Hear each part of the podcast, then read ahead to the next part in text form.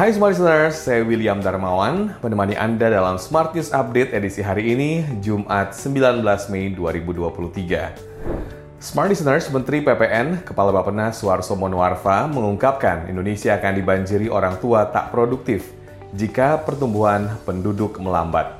Pihaknya memproyeksikan penduduk Indonesia pada 2045 sebanyak 324 juta orang atau bertambah 54,42 juta orang dari populasi pada 2020.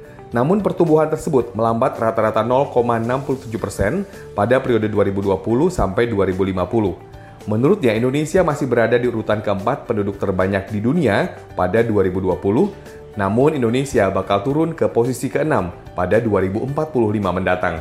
Berita selanjutnya, Menteri Perdagangan Zulkifli Hasan menyebut potensi ekspor kopi dari Lampung sangat tinggi di Mesir. Zulhas menyebut selama setahun terakhir jumlah impor kopi yang dilakukan Mesir mencapai 100 ribu ton. Dari jumlah itu sebanyak 70 persen dipasok kopi kiriman Indonesia. Dengan melihat hal tersebut, Zulhas mengatakan ini bisa dijadikan kesempatan bagi para eksportir kopi di Lampung untuk memanfaatkan pangsa pasar itu.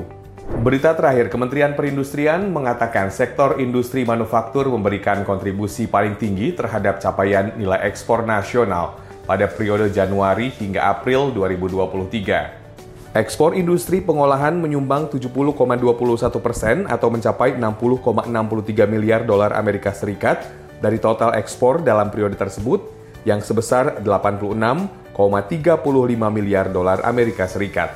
Sekian Smart News Update hari ini. Saya William Darmawan mengucapkan terima kasih. Sampai jumpa.